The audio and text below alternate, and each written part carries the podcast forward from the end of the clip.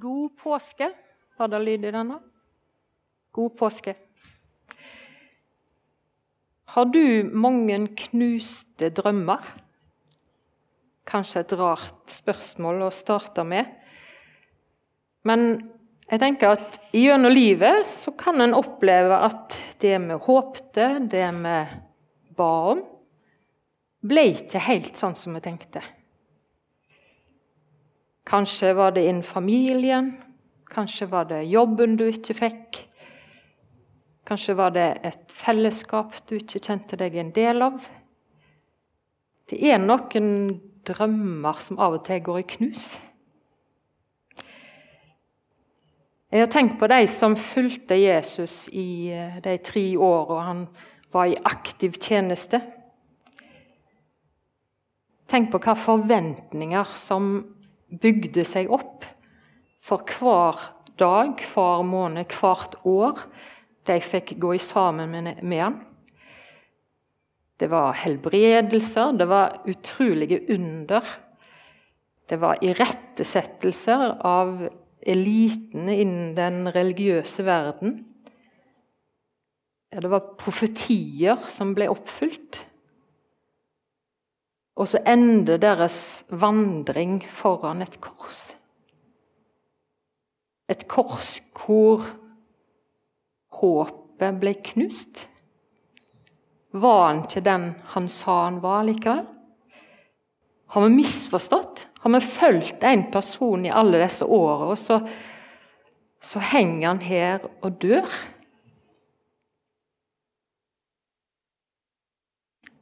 Som mennesker så kommer vi aldri utenom korset. Det var mange mennesker som sto med korset på Golgata den gang. Kanskje de fleste hånte og sa 'ha, der henger han', nå kan dere se. Og så var det noen som sto der i djup fortvilelse. Håpet var knust.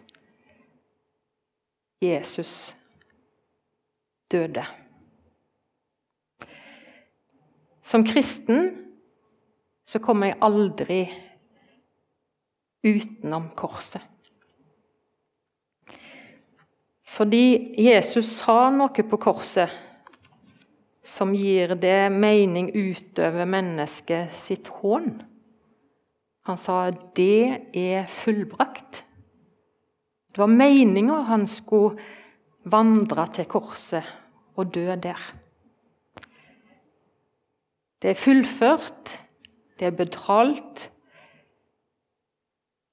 Han gjorde det han sa han skulle gjøre. Preiketeksten vår i dag den gir oss håp på nytt. Dere kan få lov til å reise dere, så skal jeg lese fra 1. Peters brev, kapittel 1, vers 3-9.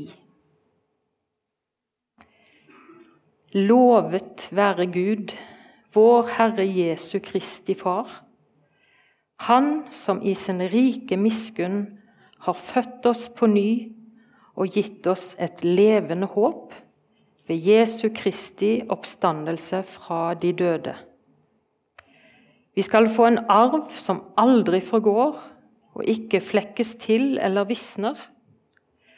Den er gjemt i himmelen for dere, som gjennom Guds kraft blir bevart ved troen. Så dere skal nå frem til frelsen. Den ligger alt ferdig til å åpenbares ved tidens ende. Derfor kan dere juble av glede selv om dere nå en kort tid må ha det vondt i mange slags prøvelser, om så skal være. Slik blir troen deres prøvet. Selv forgjengelig gull blir prøvet i ild. Troen, som er mye mer verd, må også prøves, så den kan bli til pris og herlighet og ære for dere når Jesus Kristus åpenbarer seg. Ham elsker dere, enda dere ikke har sett ham. Ham tror dere på, enda dere nå ikke ser ham. og dere jubler og er fullt av en glede så herlig at den ikke kan rommes i ord. For dere når troens mål, frelse for sjelene. Vær så god.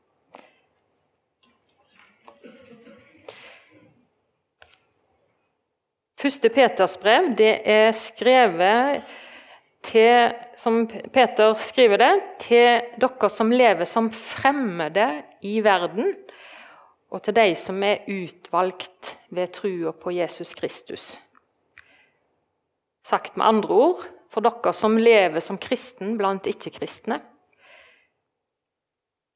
Altså en tekst som òg er til oss i dag. Vi leste at Gud har født oss på nytt. I Johannes evangeliet kapittel 3 så kan vi lese om en eh, godt voksen, kanskje til og med gammel mann, som kom til Jesus på natta.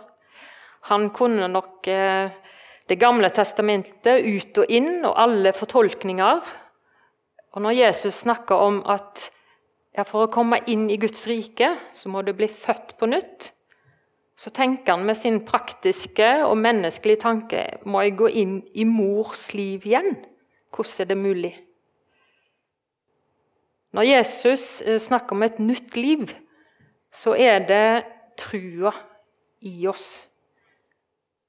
Eh, vi hørte her i åpningen at Kristus bor ved troen i våre hjerter. Det er den nye fødselen. Det er et åndsfellesskap vi er født til sammen med Gud. Påskens budskap er liv og død, og det er liv. Jesus levde et liv for oss. Han døde for oss, og han sto opp til liv for oss. Død og liv det er et ordpar som henger sammen. Kanskje tenker du at akkurat du er et håpløst tilfelle. Da tenker jeg at Gud er ekspert på å løse opp i håpløse tilfeller. Han gjorde det umulige mulig. Vi leser i eh, Romerbrevet 8. Det som var umulig for loven, fordi den var maktesløs på grunn av menneskets onde natur, det gjorde Gud. For syndens skyld sendte han sin egen sønn i syndige menneskers skikkelse og holdt dom over synden i vår natur. Slik skulle lovens krav bli oppfylt i oss, som ikke lar oss lede av vår onde natur, men av Ånden. Altså det nye livet i oss. Og Guds hellige ånd den virker i oss. Det er òg et tegn på at vi har et levende håp. Det at vi sitter her i dag, at vi bekjenner Guds navn som den eneste levende Gud, det vitner om at Gud lever fordi trua lever i oss. Det sentrale i vår tekst i dag, det er det levende håpet. Er det jeg hang meg opp i når jeg leste teksten. Og Det sier òg samtidig at det er en levende nåde vi forholder oss til. Det er en historisk hendelse, ja, men det er en historisk hendelse som fortsatt lever. En kan bli motløse, eh, tenke at ok, nå har jeg vært kristen hele livet, jeg burde ha kommet lenger enn dette her. Jeg burde være mer takknemlig, jeg burde være mer ivrige, jeg burde være alt disse byrdene. Jesus er den motløses hjelper. Eh, jeg har tenkt på kanskje særlig to personer som vi møter i Det nye testamentet, som en sånn illustrasjon på hvordan Jesus møter den som har mista motet. Ja, den som har opplevd at kanskje håpet ble knust. Jeg tenker for det første på tiggeren Bartimeus. Han var blind, og på den tida var det kanskje ikke så store muligheter for å få noe innkomme annet enn å tigge. Vi vet ikke så mye om Bartimeus, men han, eh, han bodde i eh, Jeriko. Kanskje han hadde ikke noen familie. At det var grunnen til at han hadde ikke noe annet valg enn å sitte utenfor byporten og tigge. Jeriko ligger på veien mot Jerusalem. Mye trafikk. Kanskje muligheter for, for eh, mange tiggere å, å spørre om hjelp på. De menneskene som gikk forbi Bartimeus, ble spurt om å gi av sin kanskje overflod, men av sine penger. Og når han satt der, så hørte han nok òg noe om hva folk snakket om.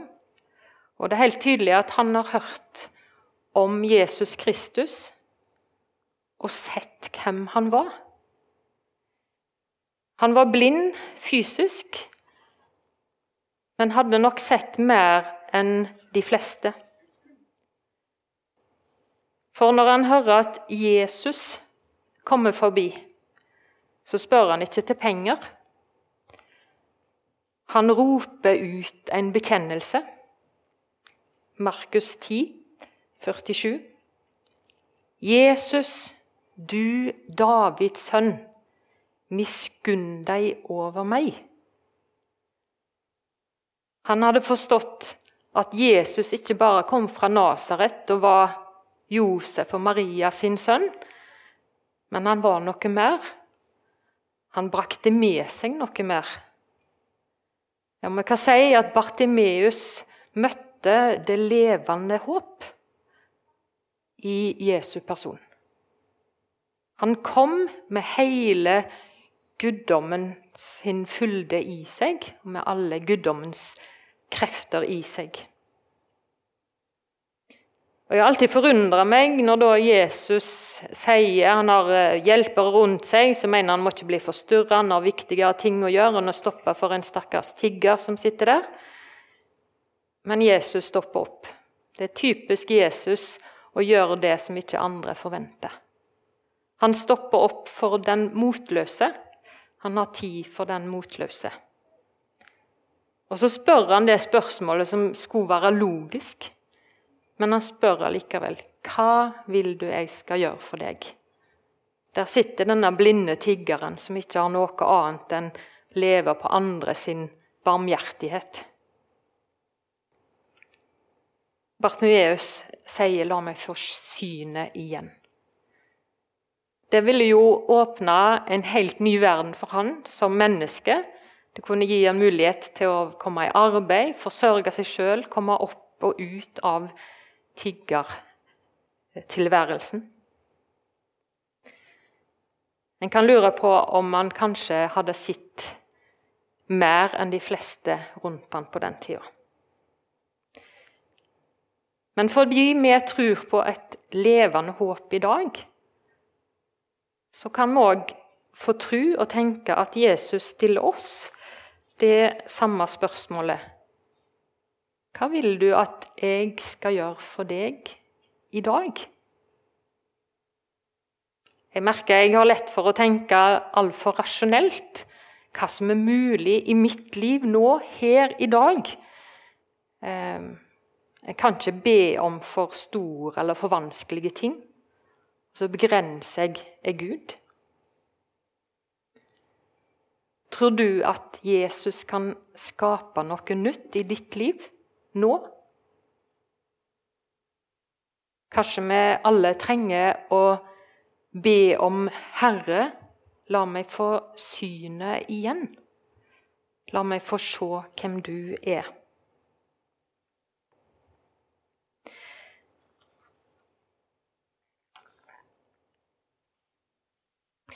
Vi leste i teksten vår Lovet være Gud, vår Herre Jesu Kristi Far, Han som i sin rike miskunn har født oss på ny og gitt oss et levende håp ved Jesus, Jesu Kristi oppstandelse fra de døde.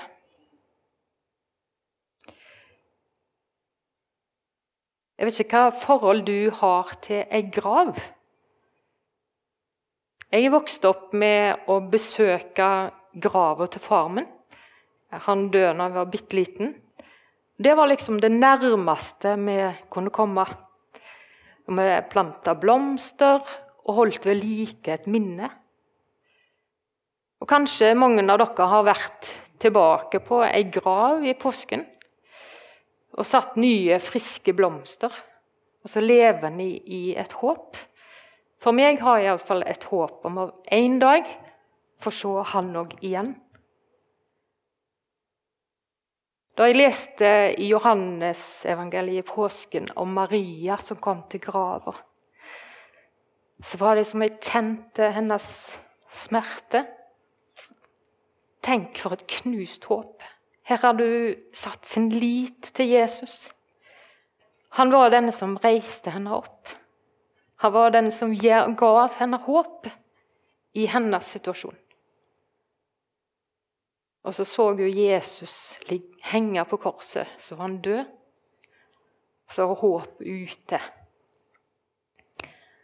Og Så var hun kvinne, og så skulle hun gjøre det siste praktiske til ære for sin Herre. Hun skulle eh, smøre han inn med salve og urter og gjøre den siste behandling. Og så skulle altså steinen rulles til, side, nei, til igjen, og så skulle det være besegla for alltid. Og Så kom hun, og så har hun sett hvor han er blitt lagt. Og så er grava tom. Og vi i dag jubler over den tomme grava. Men har du tenkt på den fortvilelsen hun måtte ha kjent på når hun står der? Hvem er det som har tatt den? Kunne vi ikke få lov til å ha en Kunne vi ikke få lov til å ha denne siste muligheten til å gi en siste ære? Og så kommer Jesus til den fortvilte Maria. Og så ser hun ikke hun er blind i sin fortvilelse. Hun er blind i, i sin motløshet. Hun ser bare en mann, og hun tenker 'gartneren'. Hvor har du tatt han? Jeg må få gjøre dette siste for Jesus, og så får jeg bevare dette som et godt minne. Kanskje tenkte hun det. Og Hva gjør Jesus i møte med den motløse Maria.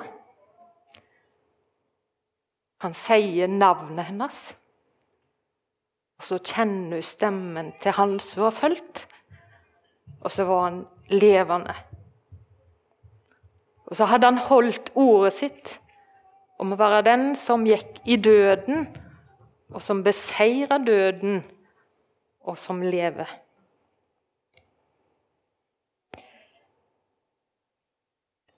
Jesus stiller òg Maria et spørsmål før han gir til kjenne hvem han er.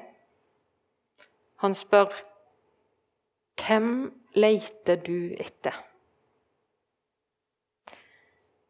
Og Det er et spørsmål som er veldig aktuelt i dag, tenker jeg. Det er mye rundt oss, iallfall i min hverdag, men sikkert òg i din, som benekter Jesu levende navn. At han er en levende Gud. En å tro på, en som er verd å følge. Vi møter isteden de som håner, ja, de som fornekter, ja, de som latterliggjør. De som forholder seg til ei stengt grav som ikke vil tro historien om Jesus seier over døden.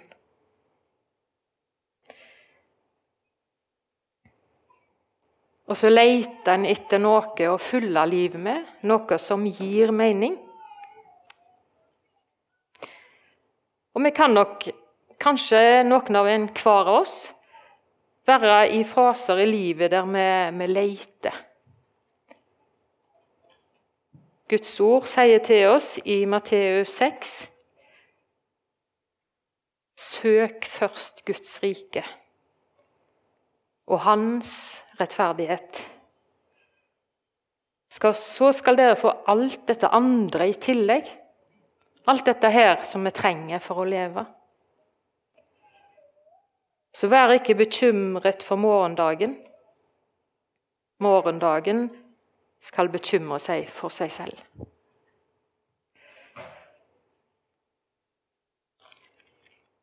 Den motløse, sier til meg iallfall, den motløse kan komme til Jesus. Han som kan gjøre de håpløse tilfellene eh, til, eh, til tilfeller med håp.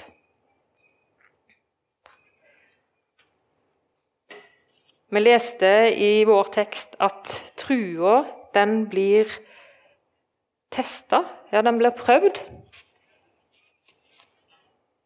For på den måten å, å få vekk det som forstyrrer i forholdet til, til, Gud. Når vi står der og kjenner på ja, hva mer kan jeg gjøre? Det er kanskje akkurat da vi er mottagelige for å høre hva Gud har gjort, og hva Gud kan gjøre. Har du tenkt på det at ja, Jesus fullførte sin gjerning når han hang på korset, når han sto opp fra de døde. Men Jesu gjerning er ikke ferdig. Han har bare fått en ny oppgave. Nå går Jesus i forbønn hos Gud for oss. Han er vår mellommann.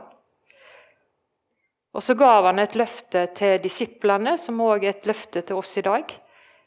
'Jeg vil gå med deg hver dag'. Så vår utfordring i dag er å fortsette å leve i dette levende håpet. Og ikke glemme hva Jesu seier har å si for oss. Og Da trenger vi å møtes, og vi trenger å fylle oss med Guds ord.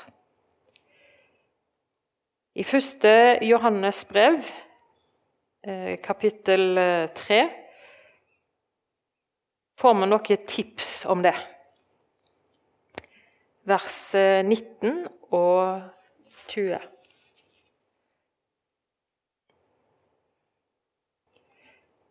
Siste del av vers 19. Og vi skal stille våre hjerter til ro for Hans ansikt. For selv om hjertet fordømmer oss, er Gud større enn vårt hjerte og vet alt. Den hardeste dommen eh, er kanskje den vi dømmer over oss sjøl.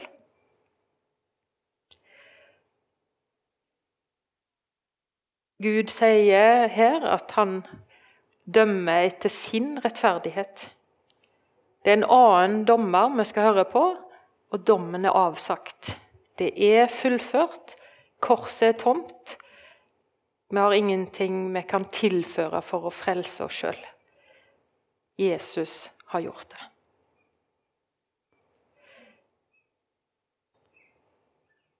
For selv om hjertet fordømmer oss, er Gud større enn vårt hjerte og vet alt.